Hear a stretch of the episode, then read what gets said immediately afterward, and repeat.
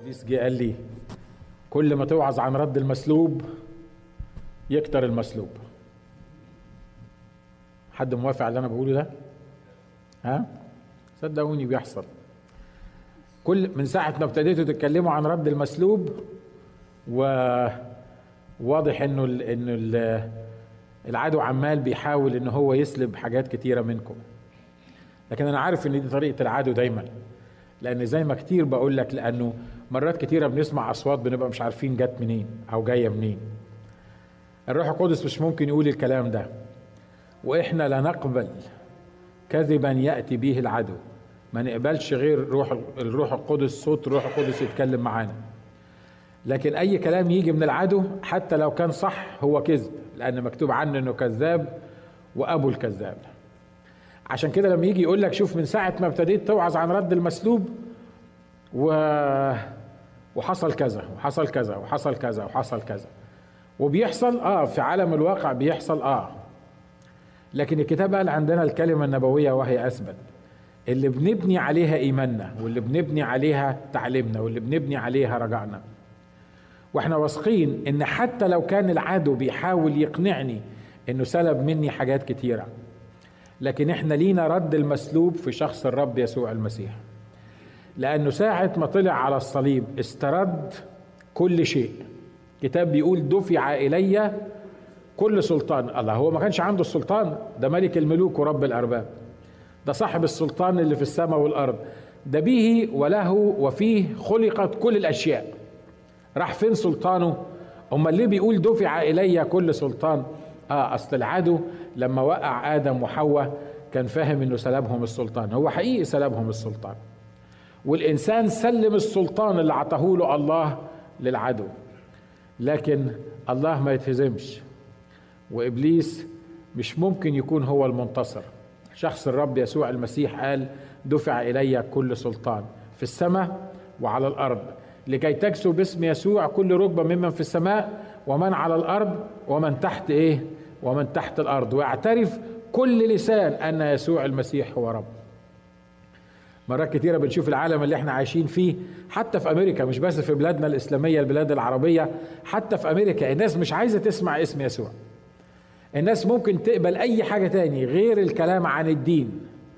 وممكن تقبل الكلام عن كل الديانات إلا ديانة يسوع المسيح. ممكن المدارس يعلموا عن كل الأديان اللي في الدنيا إلا المسيحية. ممكن يتحط أي رمز في أي حتة أي واحد يحط أي حاجة إلا الصليب اللي جننهم ويحاولوا إن هم يشيلوه بكل الإمكانيات بتاعتهم. والعادي يجي يقول أنا انتصرت. ليه؟ لأن الأرض أهي الأرض اللي, اللي, وضعت في الشرير. الأرض أهي الأرض أنا بقاوم يسوع بمشي ورا يسوع بقاوم عمل الله. لكن النتيجة النهائية أن ستجسو باسم يسوع كل ركبة ممن في السماء ومن على الأرض وحتى الشياطين اللي تحت الأرض ستجسو باسم الرب يسوع المسيح كل ركبة باسمه. أمين؟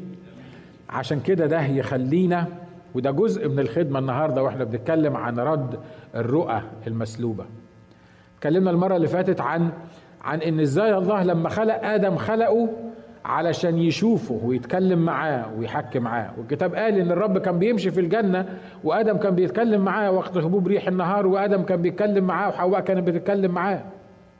ما كانش في حاجز ما كانش في حاجب يخلى الله يختفي عن الإنسان. الإنسان مصمم على إنه يرى الله الإنسان مصمم على إنه يتكلم مع الله. الإنسان مصمم على إنه يعيش مع الله. لكن لما سقط الإنسان في الخطية انفصل عن الله. لأن الرب قال له يوم تأكل من هذه الشجرة يحصل لك إيه؟ موتا تموت هتنفصل عني مش هتبقى خلاص ال ال العلاقة اللي بيني وبينك دي مش هتبقى موجودة. لغاية ما نسل المرأة يسحق رأس الحية. وإبليس لأنه ما كانش يقدر يشوف الله في أي وقت وبمزاجه ما كانش مصمم على إنه بعد ما سقط على إنه يشوف الله النتيجة إنه حاول يفصل بين الله وبين الناس. فالناس ما بقيت ما بقتش تشوف الرب يسوع. الناس مش قادرة تشوف الله. الناس مش مش ما عندهاش رؤية. مش قادرة تشوف حاجة سماوية تقدر تمشي بيها. وزي ما قلنا إنه إن العدو فكر إنه فصل بين الإنسان وبين الله. لكن الوعد جه في يوئيل في العهد القديم وقال يقول الله إني في الأيام الأخيرة أسكب من روحي على كل بشر فيرى شبابكم رؤى ويحلم شيوخكم إيه؟ يحلم شيوخكم أحلام. لما يسكن الروح القدس فيكم يرجع مرة تاني الرؤى والأحلام والأمور دي اللي العدو سلبها منكم ترجع مرة تاني في إمكانية الناس إن هي تقدر تشوفها. في العهد القديم الله كان في رحمته الواسعة بيختار ناس معينين بالروح القدس يعلن لهم إعلانات يوريهم رؤى يخليهم يشوفوا أحلام. بس دول ناس قليلين جدا وكانوا معينين كل واحد يعني محطوط في مكان معين وفي زمن معين. وقبل ما يجي الرب يسوع المسيح لمدة 400 سنة ما حصلش إن الوحي نزل ابدا. الرب ما عطاش آية واحدة قبل جه الرب يسوع المسيح ب 400 سنة. ما كانش في أنبياء بعد ملاخي. بعد ملاخي قعد الأرض قعدت 400 سنة من غير نبي من غير كلمة من الرب من غير رؤية من غير حد يقود. الناس كانت بتقود بحكمتها الناس كانت بتقود بخبرتها بإمكانياتها. لكن عشان الله يتكلم للإنسان زي ما كان بيتكلم في العهد القديم قعدوا 400 سنة وهم في حالة الجمود دي وفي حالة اللا contact مع الله. وبعدين في يوم الخمسين بطرس الرسول وقف يقول الكلمات دي. لو قريت معايا في أعمال الرسل وأصحاح اتنين. عدد 14 بيقول فوقف بطرس مع الأحد عشر ورفع صوته وقال لهم أيها الرجال اليهود والساكنون في أورشليم أجمعون ليكن هذا معلوما عندكم واصغوا إلى كلامي. لأن هؤلاء ليسوا سكارى كما أنتم تظنون. لأنها الساعة الثالثة من النهار بل هذا ما قيل بيقيل النبي مئات السنين قبل ما يحصل الكلام ده. بيقول لهم هذا ما قيل بيقيل النبي. يقول الله ويكون في الأيام الأخيرة أني أسكب من روحي على كل بشر. فيتنبأ بنوكم وبناتكم ويرى شبابكم رؤى ويحلم شيوخكم أحلاما. وعلى عبيدي أيضا وإمائي أسكب من روحي في تلك الأيام فيتنبؤون. وأعطي عجائب في السماء من فوق وآيات على الأرض من أسفل دما ونارا وبخار دخان. تتحول الشمس إلى ظلمة والقمر إلى دم قبل أن يجيء يوم الرب العظيم الشهير. ويكون كل من يدعو باسم الرب يخلص. وإحنا بنتأمل في رد المسلوب عن الأمور الكتيرة اللي الرب عايز يردها لنا. تأملنا عن رد السلام المسلوب وعن رد الفرح المسلوب وعن رد الإمكانيات المادية المسلوبة. والنهاردة وإحنا بنتأمل عن رد الرؤى المسلوبة.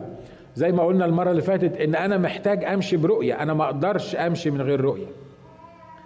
أنا ما أقدرش أمشي وخلاص من غير رؤية. ولما بنقول رؤية كتير بناخدها آه أصل الجماعة دول رسوليين. أصل الجماعة دول من الكنائس الخمسينية. أصل الجماعة دول من الكنائس الكاريزماتيك. عشان كده بيتكلموا عن الرؤى والإعلانات. خلي بالكم أنا مش بتكلم عن الرؤى زي ما قلت برضو المرة اللي فاتت بتاعت قدامك سكة سفر. لا ده موضوع تاني ده. ده مش هو ده اللي إحنا بنتكلم عنه. لكن أنا بتكلم عن إن لما يسكن الروح القدس فيا لما المسيح يبتدي يتحرك فيا ومن خلالي لازم يديني تطلع أو رؤية معينة أكون وأنا ماشي في حياتي اليومية العادية أكون أنا عارف رايح فين بعمل إيه بكرة بالنسبة لي شكله إيه إيه الحاجات اللي بالنسبة لي كمرساة إيه الحاجات اللي بالنسبة لي اللي حتى وأنا في وسط البحر الهايج لكن أنا متأكد وواثق في الإله اللي, اللي ماشي معاه إن عندي رؤية وفاهم إيه اللي بيحصل معايا في الأيام اللي جاية. وده مش بس منطبق على الخدمة ده منطبق على حياتي أنا العائلية منطبق على حياتي البيتية منطبق على شغلي منطبق على كل حاجة بعملها. ليه؟ لأن بدون رؤية يحصل إيه؟ يجمح الشعب. الشعب ما يعرفش يمشي من غير رؤية. ليه؟ هو كان بيتكلم عن الشعب كله كعامه الرب بيقول لهم الرب عطلهم عمود آه، آه، سحاب وعمود نار. وقال لهم اسمعوا هتمشوا تبع عمود السحاب وعمود النار ده. أول ما عمود السحاب يتحرك تتحرك. لما عمود النار أو عمود السحاب يقف تقف. ما تقدرش تمشي. الموضوع مش متروك لمزاجك الموضوع مش متروك لإمكانياتك واستحسانك. مش موسى هيقول يا جماعة لا الحتة اللي إحنا قاعدين فيها دي شكلها كده مش مريحة شوية. ما تيجي ندور على حتة تاني أحسن؟ لا الرب قال للشعب كده قال له اسمع أنت هتتحرك وفقا لتحرك عمود السحاب وعمود النار. دي الرؤية بتاعتك. عينيك هتكون على عمود السحاب وعلى عمود النار. لما العمود يتحرك تتحرك لما العمود يقف تقف. الناس دول صحيح ما كانوش عارفين الخطوة اللي بعد كده شكلها إيه؟ ما كانوش عارفين المكان اللي هيروحوه بعد كده شكله إيه. ما هماش عارفين هيقعدوا هنا في الأرض دي قد إيه. مش عارفين. لكن هم عارفين حاجة واحدة إن في رؤية قدامهم إن في حاجة قدامهم بيتبعوها. إن عمود السحاب ده لما الرب يبتدي يحركه قدامهم هم لازم يمشوا. فهو مش فارق معاه يعرف بكرة شكله إيه لكن فارق معاه إن يبقى موجود قدامه عمود السحاب وعمود النار. واضح اللي أنا عايز أقوله؟ أنا مش عارف بكرة شكله إيه أنا مش عارف تصميمي للأمور شكلها إيه صح ولا غلط. لكن الفكرة هي أنا عارف إن عمود السحاب وعمود النار اللي كانوا موجودين في القديم عارف النهاردة إن الرب يسوع قدامي وأنا شايف لما بيتحرك بتحرك ولما بيقف بقف. لما بيطلب مني بعمل حاجة بعمل الحاجة دي. لما ما يطلبش مني أعمل حاجة دي ما أقدرش أعمل الحاجة دي. حتى لو كانت حاجة فاليد وكويسة ومظبوطة وممكن تحصل. الموضوع مش متروك لإمكانياتي ولا متروك لأحلامي. حياتي مش بتاعتي بكرة مش بتاعي. العلاقاتي مش بتاعتي البيزنس بتاعي مش بتاعي. مفيش حاجة بتاعتي ابدا. لكن أنا ملك لهذا الإله اللي أنا حطيت إيدي في إيده في يوم من الأيام وطلبت منه إنه يمشيني ويحركني. عشان كده لو ما عنديش رؤية لو مش فاهم أنا أنا ماشي إزاي في حياتي تبقى مصيبة. ما هياش تبقى يعني تعالوا نروح للأخ فلان علشان يقول لنا بكرة هيبقى فيه إيه. أو تعالوا نروح عن الأخت فلانة عشان تكلمنا عشان نشوف الموضوع ده يتحل إزاي. المشكلة مش في الموضوع اللي يتحل. المشكلة مش في مش في بكرة. هيقول لك هتعمل كذا ولا هتروح في الحتة الفلانية ولا هتيجي في الحتة الفلانية. مش هو ده اللي أنا بتكلم عنه. أنا بتكلم عن حياة تبقى واخدة رؤية من الرب. تبقى أنت ماشي فاهم. أنت ماشي إزاي؟ فاهم رايح فين؟ فاهم بتعمل إيه؟ على الأقل للفترة الحالية اللي أنت موجود فيها. أمين؟ الكتاب بيقول الرب لما دعا إبراهيم طلع وراه وهو لا يعلم إلى أين يذهب. تقول لي وده مجنون؟ إزاي يعني؟ الرب لما قال له تعالى واطلع من بيتكم إزاي واحد يعني واخد اللاجج بتاعته ولا محمل الجمال بتوعه وبعدين بيقولوا له رايح فين يقول لهم مش عارف؟ إزاي؟ ده انت ده أنت بتموف أنت وبيتك ومراتك وابن أخوك والناس اللي طلعوا معاك. أنت بتتكلم إزاي؟ طب أدينا جاهزين. اهي الجمال جاهزة. فهمني أدي الجمال جاهزة دلوقتي. هتروحوا على فين؟ يقول مش عارف. يبدو إن في حاجة غلط في الموضوع مش كده؟ هو ما عندوش فكرة عن إنه رايح فين خرج وهو لا يعلم إلى أين يذهب. لكن الرؤية بتاعته هو عارف إن في إله ماشي قدامه كلمه وقال له جهز الجمال بتاعتك وتحرك في اتجاه معين وأنا هقودك وأنت ماشي. يبقى مش فارق معاه إن هو هيروح الأرض دي ولا الأرض دي ولا الأرض دي. وهو طالع من البيت ما هواش عمال يضرب أخماس في اسداس مش عارفين إيه اللي هيقابلنا والسكة هتبقى سهلة ولا مش سهلة والمنطقة اللي هنروحها هنلاقي فيها أكل ولا مش هنلاقي فيها أكل زي ما مرات كتير إحنا بنعول الهم مش كده؟ ها؟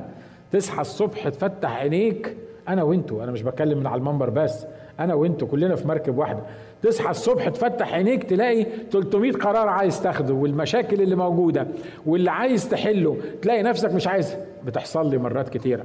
تلاقي نفسك مش عايز تقوم من السرير مش عايز تروح الشغل مش عايز تقابل حد مش عايز تسمع حد مش عايز تتكلم. ليه؟ لأنه المجهول اللي في ذهنك الحاجات اللي لازم تاخد فيها قرارات واللي تتحرك فيها أنت مش عارف هي شكلها إيه.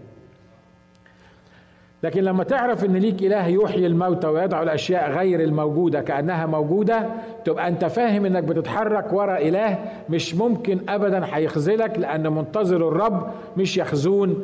نظروا إليه استناروا ووجوههم إيه؟ لم تخجل. منتظر الرب يجددون قوة يرفعون أجنحة كالنسور يجروا ويمشوا وما يتعبوش وما يعيوش. ليه؟ لأنه منتظر الرب لأن عينيهم مثبتة على الرب. وأنا النهارده بشجعك إنك لما تروح بيتكم قول له اسمع يا رب الراجل القسيس ده اللي كان واقف على المنبر بيقول كلام كبير قوي. لكن يمكن ما يكونش بيحصل في حياتي، أنا عايز أشوف الرؤية بتاعتي شكلها. تقول لي رؤية إيه؟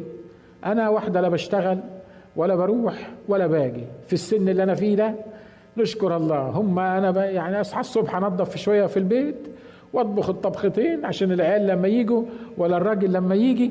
رؤية اختراع يعني هعمل إيه أنا في حياتي في السن ده؟ وأنا لا بطلع ولا بخش ولا بعرف أسوق وحتى التليفون ما بحبش أستخدمه. رؤية إيه اللي أنا؟ الله زي ما قلت مرات كتيرة ما عندوش عواطلية. الله ما عندوش ناس بتقعد في البيوت تطبخ بس. أنا عارف إن الطبيخ مهم جدا وخصوصا لبعض العائلات لو ما فيهاش طبيخ هتبقى مشكلة كبيرة. لكن أنا عارف إن الموضوعات اللي أنت بتعمليها دي مهمة لكن أنا بتكلم عن عن حتى وأنت بتطبخي إيه الرؤية اللي الرب عطاها لك؟ تقولي لي ممكن الرب يديني رؤية وأنا في المطبخ؟ ممكن الرب يديني رؤية وأنا في البيت ما بخرجش؟ ممكن الرب يديني رؤية وأنا في البيت وما بعملش حاجة؟ ممكن في منتهى البساطة الرب يقول لك حطي من 11 ل 12 الصبح كل يوم إنك هتركعي على رجليكي وهتصلي لأجل الأمر الفلاني. كل شغلتك إنك تعمليها إنك هتصلي ساعة تتضرعي وتتشفعي في الموضوع الفلاني من 11 ل 12 بس. رؤية دي ولا مش رؤية؟ ها؟ عمل ولا مش عمل الرب يعمله. واحد من الناس اللي غيروا كتير في مصر قسيس أرميني اسمه دكتوريان. القسيس دكتوريان. الراجل ده جه كتير في مصر وعظ والرب عطاله نفوس كتيرة جدا في جمعية خلاص النفوس. لما جه الراجل ده مصر كان في واحدة قاعدة الرب مثقلها قاعدة بيقول لها صلي علشان الراجل ده يجي مصر. الراجل ده كان عنده ساعتها 22 سنة. هو دلوقتي نشكر الله من أجله عنده بتاع 75 سنة. لكن أول مرة يجي فيها مصر كان عنده 22 سنة كان لسه شاب صغير. والست دي سمعت عنه وعن اللي الرب بيستخدمه. إزاي بيستخدمه؟ وعماله تصلي في مصر ان رب ابعت الراجل ده في مصر عشان يبتدي نهضة حقيقية موجودة في مصر. وكل يوم عمالة تصلي وهي مش عارفة بس ما شافتش دكتور يان ده قبل كده. هي سمعت عنه والروح القدس قال لها صلي علشان الموضوع ده. وفضلت تصلي وتصلي وتصلي وتصلي. ما بتعملش حاجة غير إنها تصلي. وفي مرة وهي بتصلي الرب قال لها قومي افتحي الدكتور يان بيخبط على الباب. هي كانت بتصلي وما كانتش عارفة إن هو أصلا هيجي. والقصة طويلة وإزاي هو تاه ووصل لغاية البيت بتاعها. وهي قاعدة بتصلي جوه وسمعت خبط على الباب بره وطلع الراجل ده اللي هي بتصلي علشانه من سنين علشان الرب يجيبه لمصر عشان يعمل نهضة في مصر. والرب استخدمه فعلا فخلاص عدد كبير آه، جدا من النفوس في مصر. اللي أنا عايز أقوله لك ولا عايز أقوله لك إنه مش بالسن مش مهم عندك كام سنة مش مهم عندك كبيرة ولا صغيرة مش مهم مش مهم مش مهم الإمكانيات اللي موجودة مش مهم مدى التأثير اللي تقدر تعمله في المحيط اللي موجود جنبك. لكن المهم في الرؤية اللي الرب يديها لك في الحاجة اللي الرب يكلفك بيها في الحاجة اللي أنت عارف إن الرب عايزك تعملها مهما كانت بالنسبة لك صغيرة وبسيطة لكن لما تعمل كده هتكون في الخطة الإلهية ومش هتجمح وهتسير مظبوط في طريق الرب. آمين؟ أهمية الرؤى والأحلام. ناس بيقولوا أحلام ورؤى. أحلام ورؤى عم ناجي دي يعني يعني أنا أنا مش بتوع رؤية. أنا مش بتاع رؤية. أنا ما أحبش أشوف رؤية. عايزنا أكون من بتوع الرؤى والإعلانات والأحلام اللي موجودين. وناس يقول لك مرات كتيرة الأحلام دي بتودي ورا الشمس. ليه؟ لأن بنحلم الحلم ونصحى الصبح نقول خير اللهم اجعله خير ونفضل قاعدين مشغولين بيه وبنفكر. أنا ما بتكلمش على الأحلام دي برضو وأنا قلت الكلام ده المرة اللي فاتت. أنا بتكلم عن الأحلام اللي بالروح القدس اللي الرب يديها لك. وبتكلم عن الرؤى اللي بالروح القدس اللي الرب يديها لك. في رؤى الرب عطهاني من عشرات السنين. مفيش بني آدم في الأرض مفيش مخلوق في الأرض يقدر يشككني فيها. ليه؟ لأني خدتها بإعلان خدت شفتها. لأن لأن في يوم من الأيام الرب اتكلم ليا بوضوح رغم كل المعطلات رغم كل المعوقات اللي كانت في السكة. لكن في الأيام دي أن الرب بيحقق رؤى وأنا كلمتكم عن الرؤية بتاعة الجورنال بيحقق رؤى من 15 ومن 20 ومن 25 سنة. عطهاني. والنهاردة الرب بيحققها. يا ترى الرب عطالك رؤية معينة أو وعد معين أو كلمك في حاجة معينة مش لازم ترفع إيدك لكن لكن فكر بسرعة كده في حاجة في حياتك حاسس إنها شغلاك إن الرب عايزك تعملها في في تطلع معين الرب عايزك بيقول لك أنا عايزك تعمل الحكاية دي تقول له أمال ما بيكلمنيش أنا ليه؟ بيكلمك أنت ما بيكلمنيش أنا ليه؟ الرب بيكلم كل الناس الكتاب هنا بيقول يقول الله أني أسكب من روحي على كم واحد؟ على كل بشر كل واحد يفتح قلبه ليا أسكب من روحي على كل بشر. الكلام ده ليك وليكي. فيرى شبابكم رؤى ويحلم شيوخكم أحلام. وعلى عبيدي أيضا وإمائي. وفي الترجمة الثانية جاية على العبيد والإماء لأن دول كانوا أصلا محتقرين في في في, في وسط الناس. يعني ما حدش يتخيل إن واحد عبد يبقى آه، بيشوف رؤيه ولا بيشوف حلم ولا بياخد حاجة من الروح القدس لأنه عبد. لكن الكتاب بيقولوا على العبيد أيضا والإماء أسكب من روحي. هيحصل إن إن الوعد مش بس كده الوعد هو لكم ولأولادكم ولكل الذين على إيه على بعد. الله أمال فين الغلط؟ الغلط فيا. ويمكن يكون فيك. لكن خلينا أتكلم عن نفسي الغلط فيا. ليه؟ لأن يا إما مش مقتنع بالموضوع ده وأنا بقول لكم عن عن اللي كان بيحصل معايا. إما مش مقتنع أصلا بالموضوع ده. ما حدش كان يقدر يجي يقول لي الرب قال لي. ما حدش كان يقدر يكلمني ويقول لي أنا عندي رؤية من الرب. طبعا لو قال لي خليني أشوف لك رؤية ده يعني يبقى خلاص يبقى بالنسبة لي بلاك ليست إن هو قال كده. ما حدش كان يقدر يجي كده. مقتنع بيها بدماغي؟ آه. عارف إنها موجودة في الكتاب؟ موجودة. النبوات موجودة في الكتاب؟ موجودة. ال ال الأحلام موجودة؟ موجودة. والرؤى موجودة موجودة لكن معايا أنا؟ لا. ما حدش يقول لي أنا الكلام ده. ليه؟ لأن أنا راجل بمشي بمخي بمشي بعقلي. أنا عندي عقل أفكر فيه. أنا مش ماشي ورا اللي إحنا سميناها غيبيات. الناس اللي ما بيؤمنوش بالموضوع ده بينبسطوا قوي ان يطلقوا على الموضوع ده الغيبيات. يعني إيه؟ يعني الحاجات اللي مش شايفينها بعينينا الحاجات الغايبة عننا اللي إحنا مش شايفينها. لكن عايز أقول لك من أهم الأهداف الموضوعه ومن أهم الأسباب اللي الرب بيدي لك رؤية فيها هي إنك يجسم لك الأشياء الغايبة عن عينيك. يخليك تشوف حاجات ما تقدرش تشوفها بإمكانياتك العقلية العادية أو بنظرك العادي. مش موجودة في المحيط العادي بتاعك. لما الرب حب يبني خيمة الاجتماع خد موسى على الجبل أربعين يوم. وراله كل حاجة في خيمة الاجتماع كل صغيرة وكبيرة.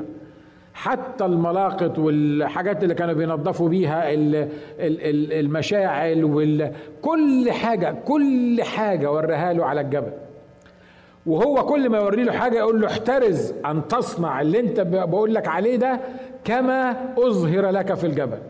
احترز من انك تعمل اي حاجة إلا زي اللي انت شفتها في الجبل زي الرؤية اللي أنا وريتها لك زي المنظر اللي أنا وريته لك. ليه؟ لأن عمل الله مش متروك ليا وليك نعمله بمزاجنا بالطريقة اللي إحنا عايزينها بالشكل اللي إحنا عايزينه. عمل الله لما تكون بتعمل في, في كرم الرب ولما بتكون بتحقق خطة الرب مش up to you it is up to God اللي هو بيوري لك بالظبط الحاجة اللي تعملها اللي لازم تعملها بالظبط زي ما هو بيقول لك عليها.